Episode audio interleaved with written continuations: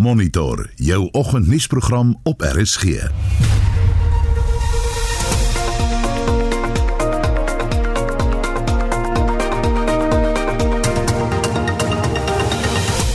Goeiemôre op vanoggend se program. Ons ondersoek die ware impak van onreëlmatige uitgawes by staatsinstansies. Hierdie gebreke het tot gevolg dat daar vertragings is in die voltooiing van projekte, verhoogde koste en finansiële verliese word gelei, swak kwaliteit van die geboue en voltooide projekte wat nie gebruik word nie. Nie alle handreinigers op ons winkelrakke voldoen aan die WGO se standaarde nie. If the amount of alcohol is not enough, it takes longer for it to destroy the virus, and it means that you might still be carrying the virus despite the fact that you have sanitized. 'n Gebrek aan geldkelder instandhoudingswerk aan die lugmag se Gripen vlieg uh, veg vliegtye. En die VN word gevra om te help met droogteprojekte in die Oos-Kaap. Goeiemôre, ek is Anita Visser. En ek is Oudo Karelse.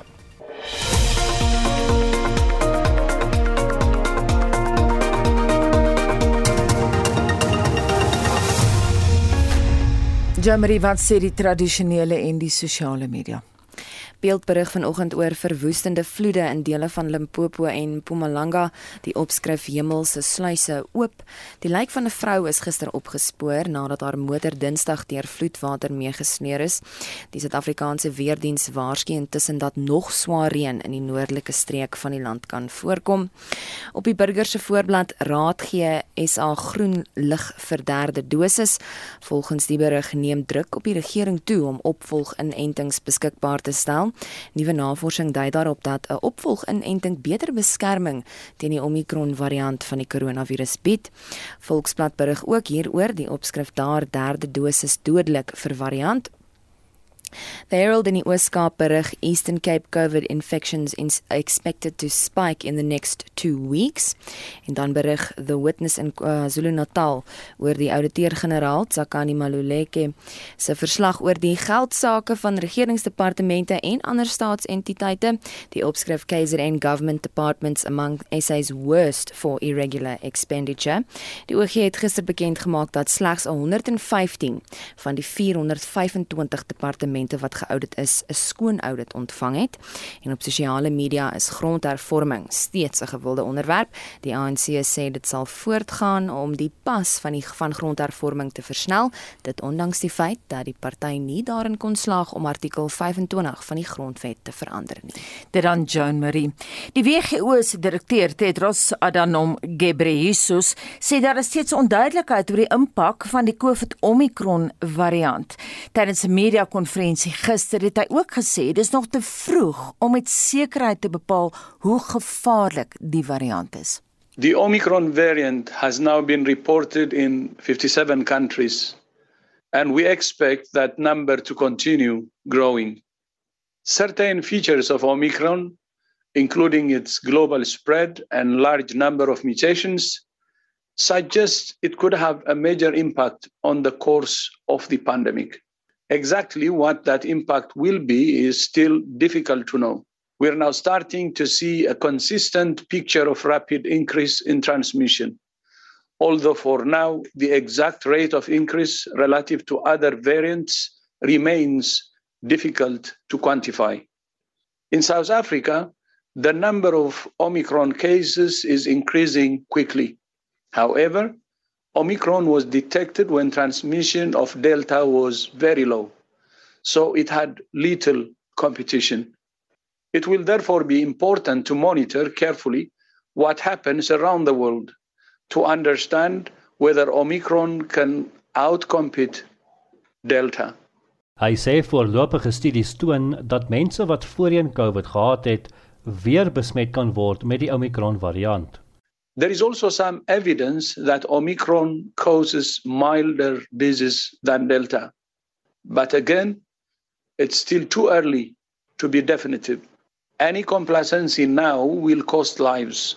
To help us build a clearer picture of the severity and symptoms of disease caused by Omicron, we're calling for more countries to submit more data to our clinical data platform using an updated case reporting form available on our website.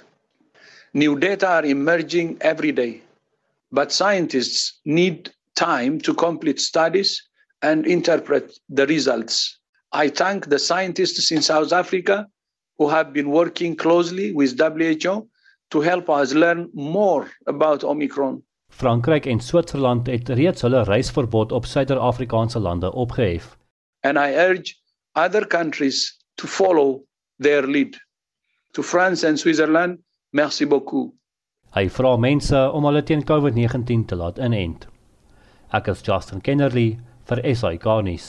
17 minute oor 6. Nou die Universiteit van Pretoria het onlangs navorsing bekend gemaak wat daarop dui dat sekere ontsmettingsmiddels wat gebruik word om die verspreiding van COVID-19 te bekamp, nie aan die standaarde van die Wêreldgesondheidsorganisasie voldoen nie.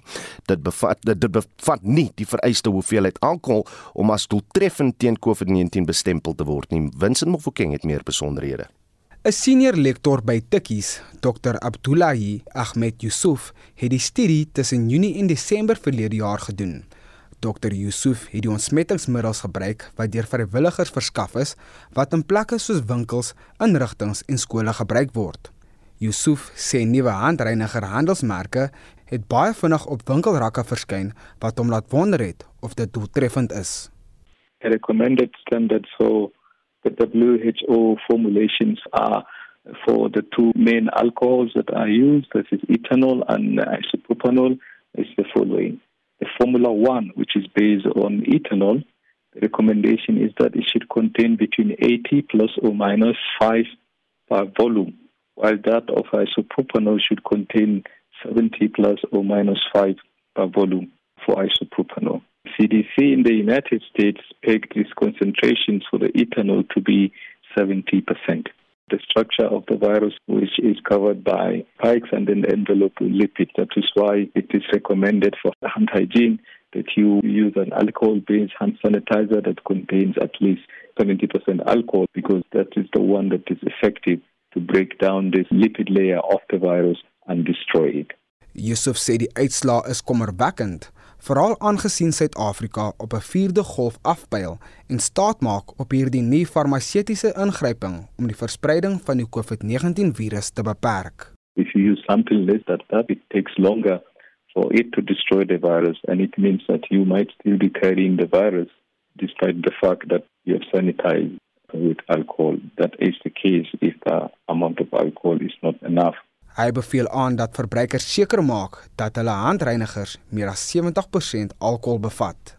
As it is there are regulations that govern the production of alcohol-based hand sanitizers by the South African national uh, standards, and I think it's under regulations 289 and 490, which requires that all manufacturers should level their products appropriately. So leveling products appropriately include stating the amount of alcohol that they contain, and also stating when it is produced and when it was produced.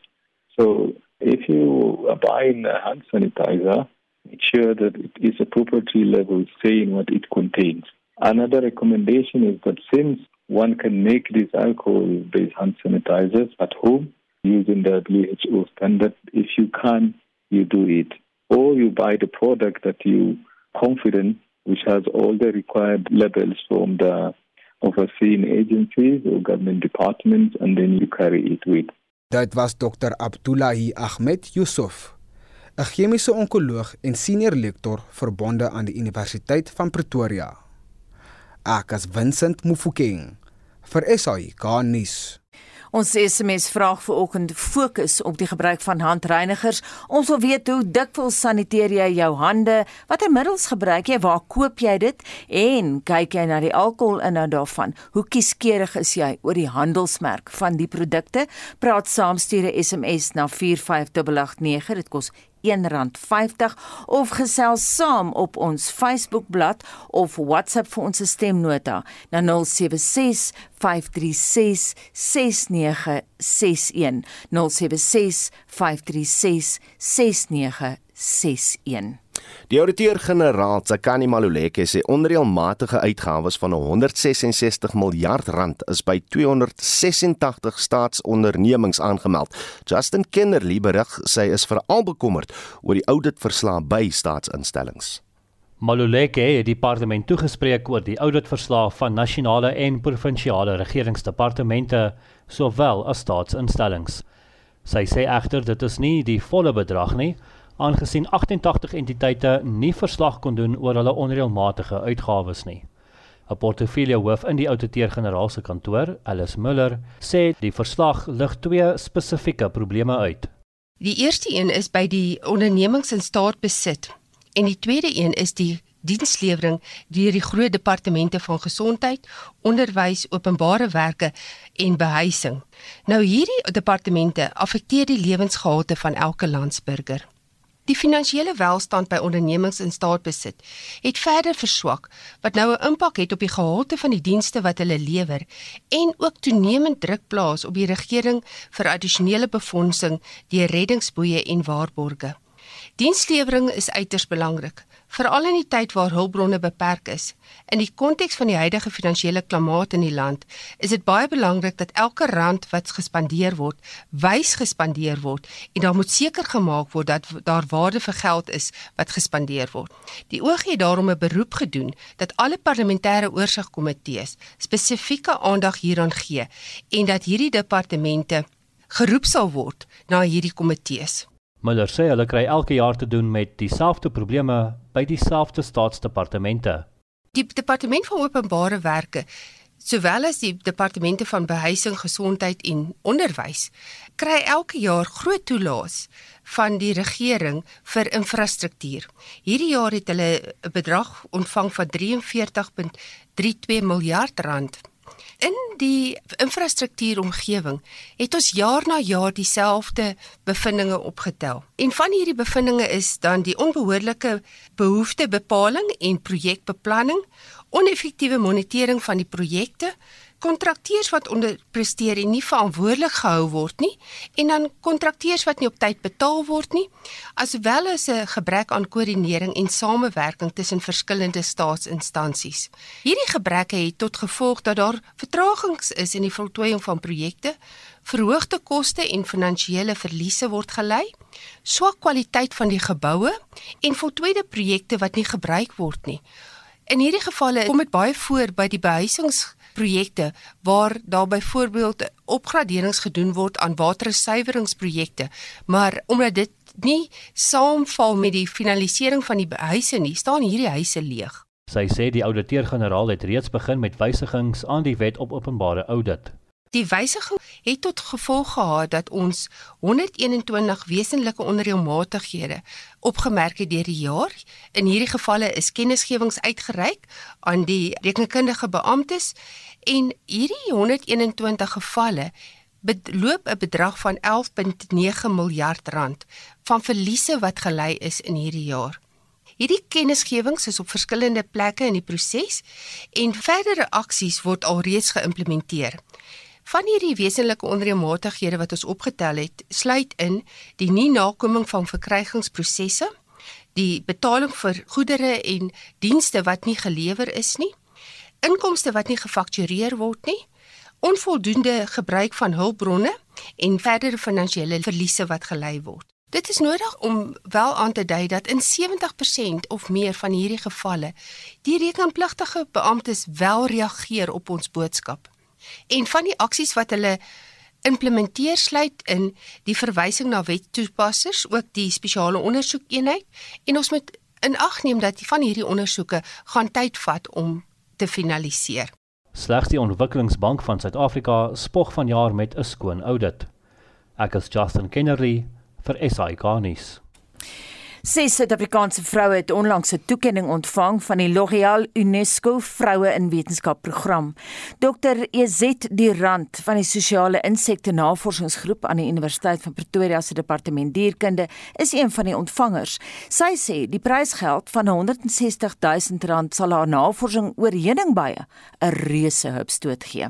My navorsing fokus op die gesondheid van heuningbye en spesifiek op maniere om te verseker dat ons sterk en gesonde populasies het van heuningbye wat gehard is en bestand is teen peste en siektes en ook natuurlik ander omgewingsfaktore wat hulle gesondheid negatief mag beïnvloed.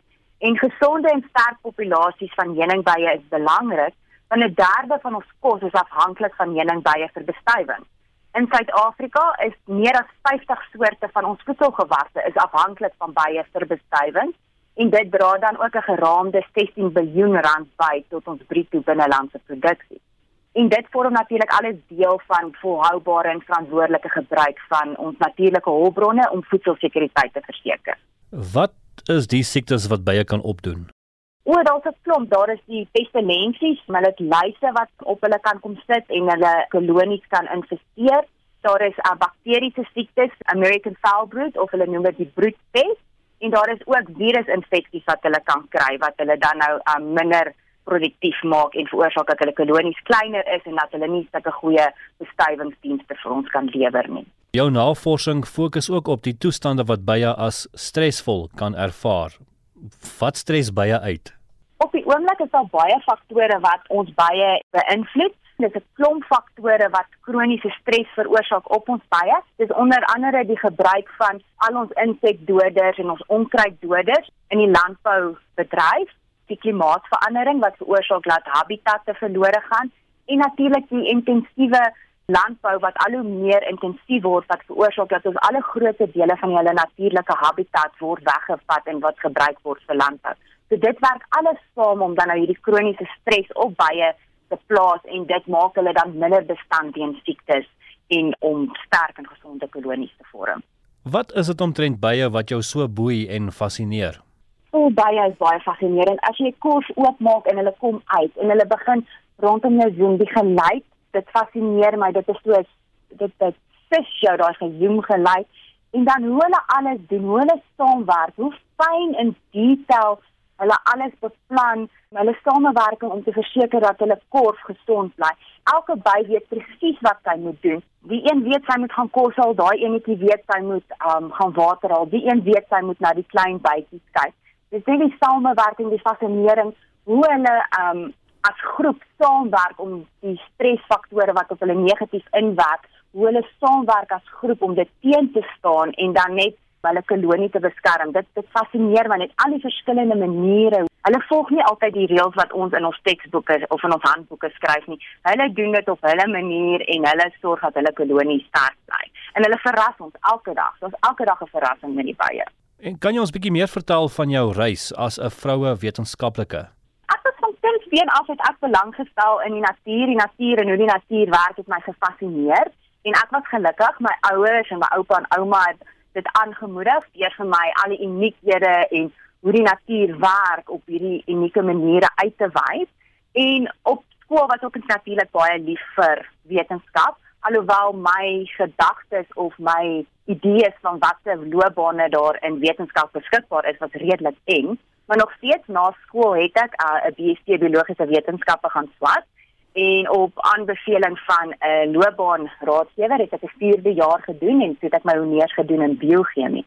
En dit is in daai 4de jaar um, in my honeursjaar wat ek agtergekom het die vryheid van denke wat die wetenskap vir jou bied, die vryheid van jou denkprosesse en ek sou nooit as 18-jarige kon sê ek gaan eendag 'n uh, biochemikus wees wat op heuningbye navorsing doen nie. Maar ek sien tog die goue draad wat deur dit alles loop die fascinering wat ek gehad het met die natuur en hoe die natuur werk as kind het nou net gegroei tot 'n fascinering oor hoe die natuur werk op die vlak van molekules en atome. Hoe sal die toekenning en geld jou dan help in jou navorsing? Uh, die navorsing wat ons doen is natuurlik 'n interdissiplinêre ons volg in dit interdissiplinêre benadering tot ons navorsing sodat ons die navorsing uit verskillende hoeke kan bekyk en daarom werk ons ook saam met ander navorsers, internasionale navorsers Ons werk spesifiek saam met die Center for Integrated Bee Research wat in Kalifornië die FSA geleë is. En hierdie toekenning gaan my in staat stel om daai fasiliteite besoek en 'n rukkie daar te werk en dan ook al die tegnieke en metodes wat hulle spesifiek vir ons navorsing wat noodsaaklik is vir die suksesvolle uitvoering van hierdie spesifieke navorsing aan te leer en dan kan ek ook daai kennis terugbring na Suid-Afrika toe. En dit was EZ die rand van die sosiale insekte navorsingsgroep aan die Universiteit van Pretoria. Justin Kennedy het met haar gepraat.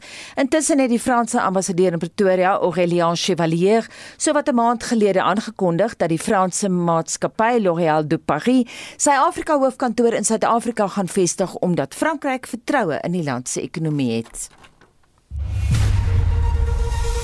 Jy luister na Monitor elke weekoggend tussen 6 en 8. 632 en net hierna in monitor taxi bestuurders probeer om wetstoepassers in die moederstad aan bande te lê.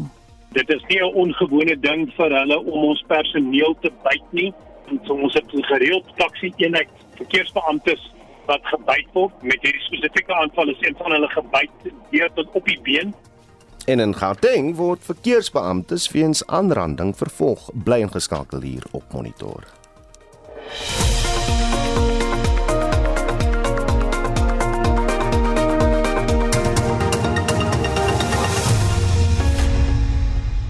Ons praat vanoggend oor saniteerders. Wat sê ons luisteraars? Waar koop hulle dit? Hoeveel alkohol in inhoud is daarin en wat sê gehalte daarvan? Johanna Solomon skryf ons op Facebook: Ek dra 'n hand sanitizer in my handsak oral waar ek gaan, want die geld en bankkaarte is nie altyd skoon nie. Baie mense maak in winkels asof hulle hulle hande reinig en dan moet ons tevrede wees met hulle dade, sê Johanna. En Kilian skryf: Koop waar dit beskikbaar is. Baie plekke sin ryk en brand so spiritus, motor besigheid en huisreinigers is on uh, is onmiddellik in gebruik wanneer ons dit betree, selfs die kleinkinders reinig onmiddellik. En uh, Richard Geyser skryf ek gebruik die wat by die ingang van besighede beskikbaar is, doen alle betalings kontakloos uh, met my foon of my horlosie, maar probeer tog om sover moontlik die winkels te vermy. En dan Diana van Heerden wat skryf ek vermy hulle.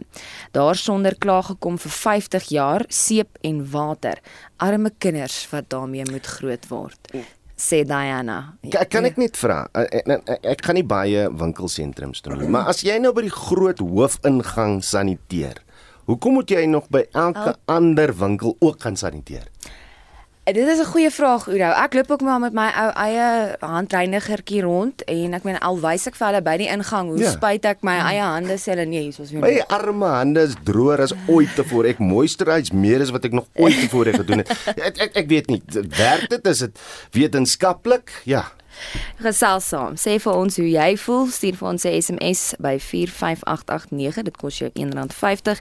Jy kan ook saam gaan praat op Monitor en Spectrum se Facebookblad of jy kan vir ons 'n WhatsApp stemnota stuur. Die nommer is 076 536 6961.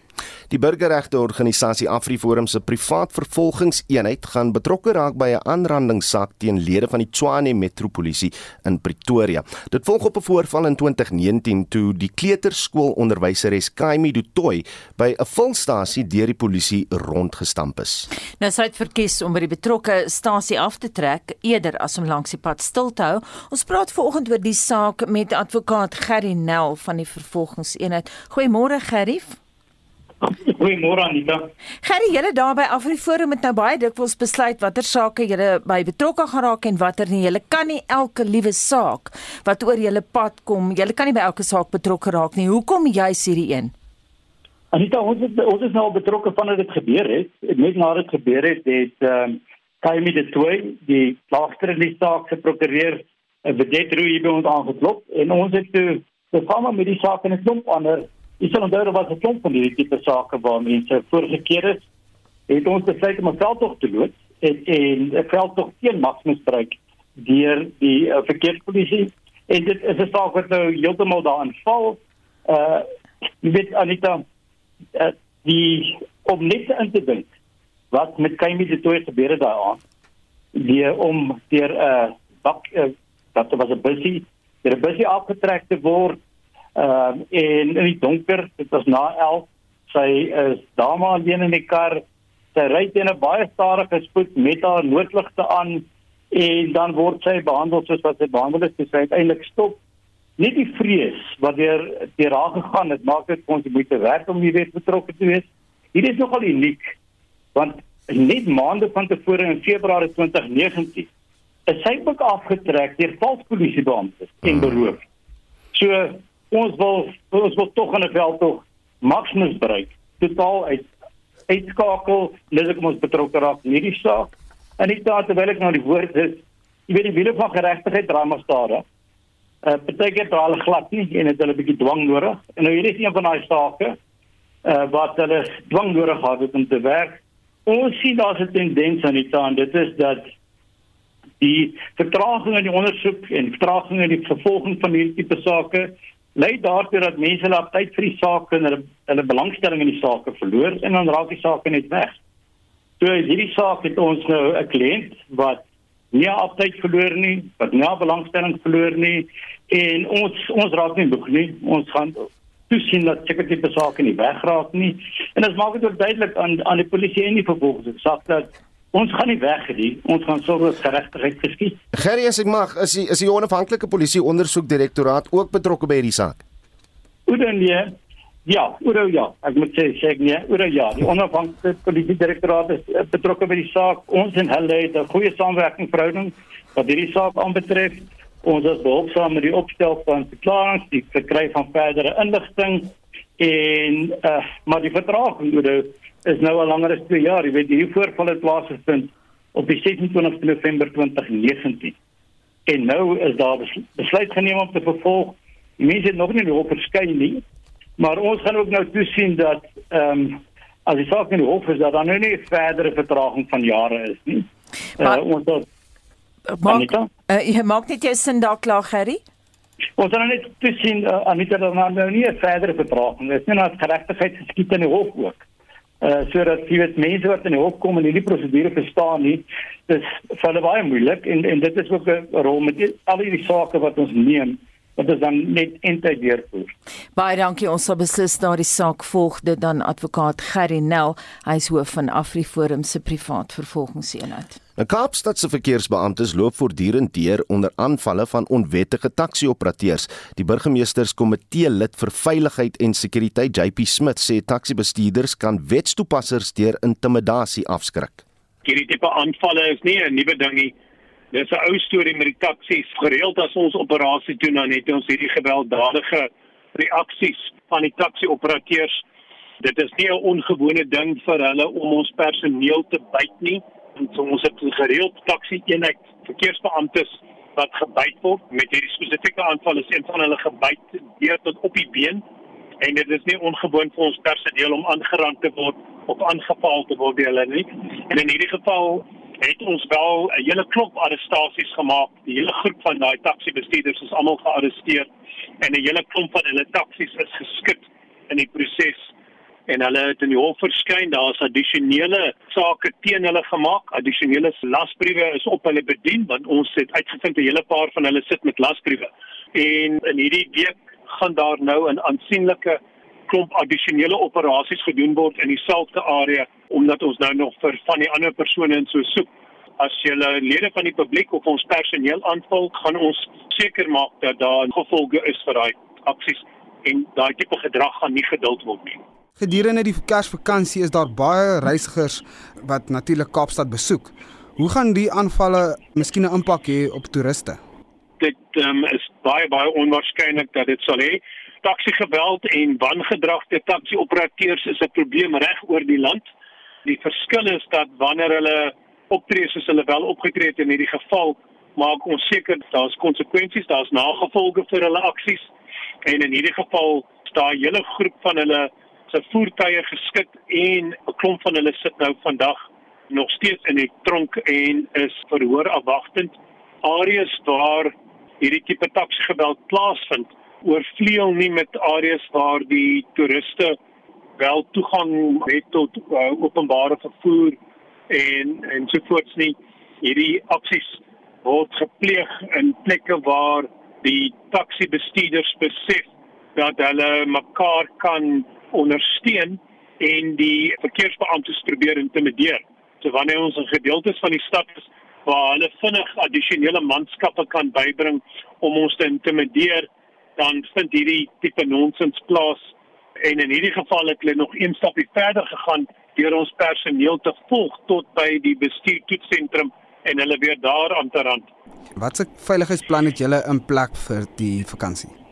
So oor hierdie tyd van die jaar bring ons 'n hele klomp seisonale personeel aan boord om in verskillende aspekte van die veiligheid en sekuriteitsdirektoraat te help om die personeel veel aantalle op die pad te verhoog en dan maak die oortydbegroting ook voorsiening vir 'n klomp addisionele personeel in ons operasies spits hulle self toe op aktiwiteite rondom plekke waar toeriste en besoekers bymekaar kom op die paaie op strande by rekreasiefasiliteite en toerisme besienswaardighede ensovoorts. Nadat ons die 1000 ekstra personeel in ons mees misdaad getuisterde areas uitgerol het, 100 vir 10 van elkeen van die mees problematiese areas, het die provinsiale regering toe daarna ook personeel uitgerol vir toerisme beveiliging en daardie toerisme en besoekersveiligheidseenheid werk rondom die berg en rondom die Kaapstad se sentrale besigheidsdistrik om te verseker dat toeriste veilig is en hulle maak goeie arrestasies en uh, doen goeie werk elke dag ook met ander verwante misdade soos die persone wat kredietkaarte en bankkaarte vervals en die sogenaamde kaartskimmers ensovoorts so dit is selde dat ons 'n toerisme verwante insident het en in hierdie geval eh, neem ons aksie om hierdie persoon om hierdie insidente onder beheer te bring ons het goeie gesamentlike planne met Sandparks en die Suid-Afrikaanse polisie. Ons werk saam deur die provinsiale die Prop Job en die Prop Joints om te verseker dat ons aksies gekoördineer is. En jy sou gesien het dat verlede week het die Suid-Afrikaanse nasionale parke in die Table Mountain National Park 'n hele klomp addisionele veiligheidspersoneel ontplooi wat beide beskerm teen poaching omgewingsmisdaad maar ook om besoekers te beskerm en besoekerveiligheid te bevorder. En dit was JP Smith Kaapstad se burgemeesterskomitee lid vir veiligheid en sekuriteit wat met Vincent Mofokeng gepraat het.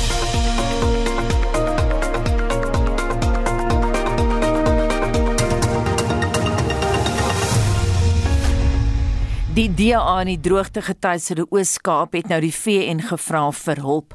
Ons praat daaroor met die party se skadu LR vir landelike ontwikkeling Retief Odendaal. Goeiemôre Retief. Goeiemôre, dit is lekker om weer saam met julle te kuier. Retief, ons het baie vrae as jy jou antwoorde redelik kort kan hou. Hoekom het julle julle tot die VN gewend? Is julle nie gelukkig met die ANC se hantering daarvan nie van die droogte nie? Wel, ons sit met 'n groot krisis baie van ons munisipaliteite, van ons plattelandse munisipaliteite, ehm um, kan net nie water aan aan hulle inwoners uh, lewer op 'n daaglikse basis nie. Ons het groot watertekorte in die, in die provinsie en die plaaslike ag die provinsiale regering ehm um, staan ongelukkig hier die munisipaliteite munisipaliteite by. Ons het net nie die kundigheid um, om uh, ons munisipaliteite by te staan in die Oos-Kaap nie. Retief sê vir my is daar een plek wat erger is as die res wat jy vir monitor se luisteraars wil belig? Ek kan eintlik 'n hele klompie van hulle noem. Uh Makanda wat die uh, wat vorige Gramstad is. Um ons het probleme in Adelaide, Bedford, Middelburg, uh Aberdeen, Gaffney, maar ook Nelson Mandela Bay. Nelson Mandela Bay het nou te min uh, water vir hulle inwoners op 'n daaglikse basis wat beteken dat ehm um, daar op elke liewe dag uh, ten minste 'n paar woonbuurte sonder water sit.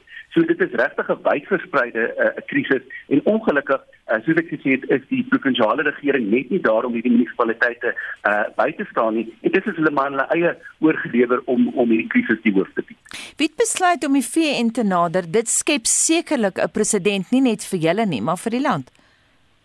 Wel, onthou hoe hoe ons dit gedoen het. Kyk na wat oor die afgelope tyd ehm um, gebeur het in die Weskaap. Ons het laas uh, um, twee jaar laas in in Oktober 2019 ehm um, 'n ramptoestand ten opsigte van die droogte verklaar in in in Weskaap. Dit was die laaste keer uh, wat dit gebeur het. Sedert daai uh, twee jaar het ons nog nie weer 'n droogte toestand afgekondig nie en um, ongelukkig is die probleem nog steeds hier.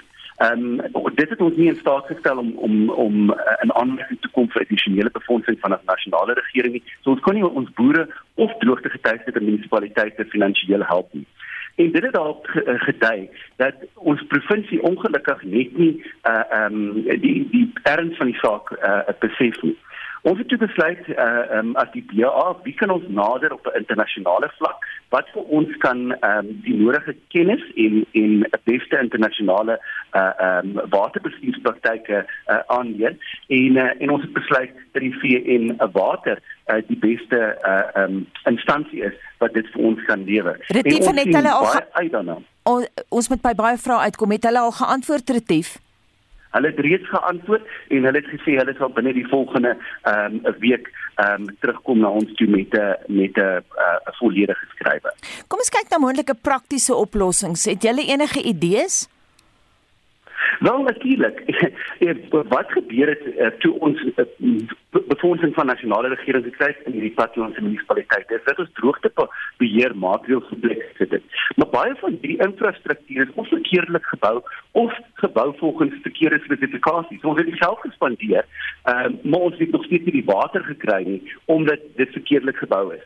Ons het wateringenieurs nodig. Ons het mense nodig om opleiding te gee. Ons het planne nodig om om te uh, om uh, um, iets in plek te stel om die krisis te probeer voor, voorkom dat in die, in die toekoms nie weer homself sal herhaal nie. Ons het in 2011 uh, reeds by COP17 het ons 'n beleidsdokument oor oor klimaatsverandering in die, in die Ooskaap bekend gestel. En tot op hede het ons nog niks van daai planne in in werking gestel nie. So ons het nie gesien ehm um, die nodige hulp uh, van van internasionale kennis nodig om ons op die regte pad te stuur. Retief sê vir my, is daar nie afgetrede ingenieurs wat kan inspring om te help nie? daar is baie af, uh, afgetrede ingenieurs en baie van hulle maak hulle self uh, beskikbaar uh, baie keer gratis of of op 'n konsultasiebasis maar ongelukkig baie keer is uh, ons plattelandse munisipaliteite ook nie ehm um, uh, regtig bereidwillig om mense van buite af te kry om om om te help nie. Dis hoekom ons uh, die VN genader het om op 'n provinsiale regering en 'n nasionale regering hulle kennis beskikbaar te maak en dit aan deur deur provinsiale en nasionale regering af te dwing op plaaslike munisipaliteite.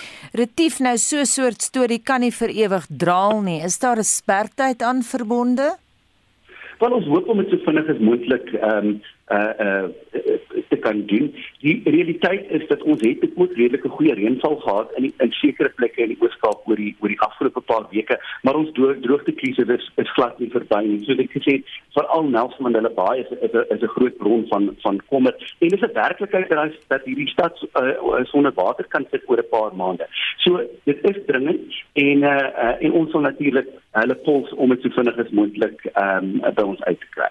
Sê vir my is die inwoners van al die dorpies in die Oos-Kaap is hulle redelik gedissiplineerd met die gebruik van hulle water in elk geval? Oor die algemeen uh, dink ek dat inwoners besef die die die erns van die saak en hulle probeer water spaar, maar ons moet ook verstaan dat dat uh, ek dink meeste inwoners in die Oos-Kaap is nou al droogte soos. Ehm um, hulle is in die uh, in die midde van 'n 6 jaar lange droogte. Uh, en derhalwe is mense nie meer so gedissiplineerd uh, in in sekere uh, plekke uh, soos hulle gewees het 'n paar jaar terug nie. Maar die maar die droogte uh, raak selfs meer intens in sekere plekke uh, soos wat ons damvlakke um, daal en en ons boorgate opdroog. En dis hoekom dit nou krities 'n uh, kritiek is dat dat almal hulle deel bydra en water so spaarsaam as moontlik gebruik. Retief net laasens jy praat nou van 'n 6 jaar lange droogte. Hoeveel boere in die Oos-Kaap het eenvoudig bankrot gespeel? Wel ons het nie daai statistieke nie, maar etlike boere het het in 'n baie uh, distrikte uh, tou opgegooi en moes hulle plase noodgedwonge verkoop het. Onthou net dat daar was langdurige voer vir uh, vir baie veeboere en dis iets wat net nie in die Karoo uh, volhoubaar is nie. Mm. Um, en dit regtig hartseer ons het veevrekte gesien omdat daar eenvoudig nie nie, nie water is nie omdat uh, ons uh, boere eenvoudig nie verdere voer kon aankoop. Die hartseer ding is dat die provinsiale regering glad nie oor die afgelope paar jaar vir enige van ons boere bystand gelewer het ten opsigte van die aankoop van van voer nie. En uh, en dit is regtig 'n klat op die naam van die provinsiale regering. Baie dankie en so sê dit die voordeel is die DA se skadu LER vir landelike ontwikkeling. Ons bly by landboukwessies en sitrusprodusente sê hoë vervoerkoste en vertragings in afleweringe het 'n beduidende impak op hul opbrengste. Rolspelers in die bedryf sê hoewel hulle kop bo water kon hou te midde van die COVID-19 pandemie, word verkope steeds deur logistieke probleme beïnvloed. Die algehele landbousektor oorleef nog die pandemie. Die sitrusbedryf is egter swaar getref deur die Julie onrus en die kuberaanval op Transnet wat uitvoere vanaf Durban se hawe geraak het. Die bestuurshoof van die Sitruskwekersvereniging, Justin Chadwick, sê die bedryf het hoë uitvoervolumes aangeteken, hoewel vertragings in aflewering hulle winsmarges laat krimp. Returns are dependent upon the prices you achieve and therefore the income that you earn from selling the fruit and then less the, the, the costs. And unfortunately, on both of those sides, we had a, a, pretty disastrous 2021. The prices were extremely low in the markets, and the costs just skyrocketed uh, in 2021. So a lot of growers are really are really hurting in, from this year's season. Sitrusprodusente sê 70% van hulle produkte kon weens die onrus in Julie nie betyds by die hawens kom nie. En toe die Transnet kuberaanvalle plaasgevind het, moes die bedryf sy produkte vir byna 6 weke eenkant hou. Die wêreldwye logistieke probleme wat deur die COVID-19 pandemie veroorsaak word, dra by tot die uitdagings. We almost had 4 or 5 weeks where our fruit couldn't get through to Durban port and that obviously then impacts on the rest of the season and so our season got longer. We were still sending in fruit in, in September and by then the northern hemisphere is coming into the market so there's a lot of competition in the market. Sitrusprodusente sê ondanks die uitdagings sal hulle aanhou boer.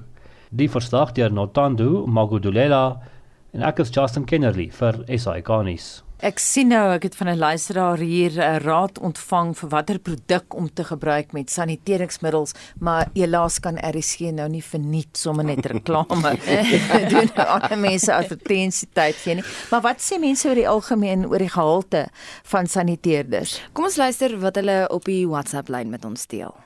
Goeiemôre Willem de Villiers van die Baai. Uh, ek sien al die uh, skoonmaakmiddels wat mense in die supermark koop, um, sê kills all uh, kills 99.9% of all known germs.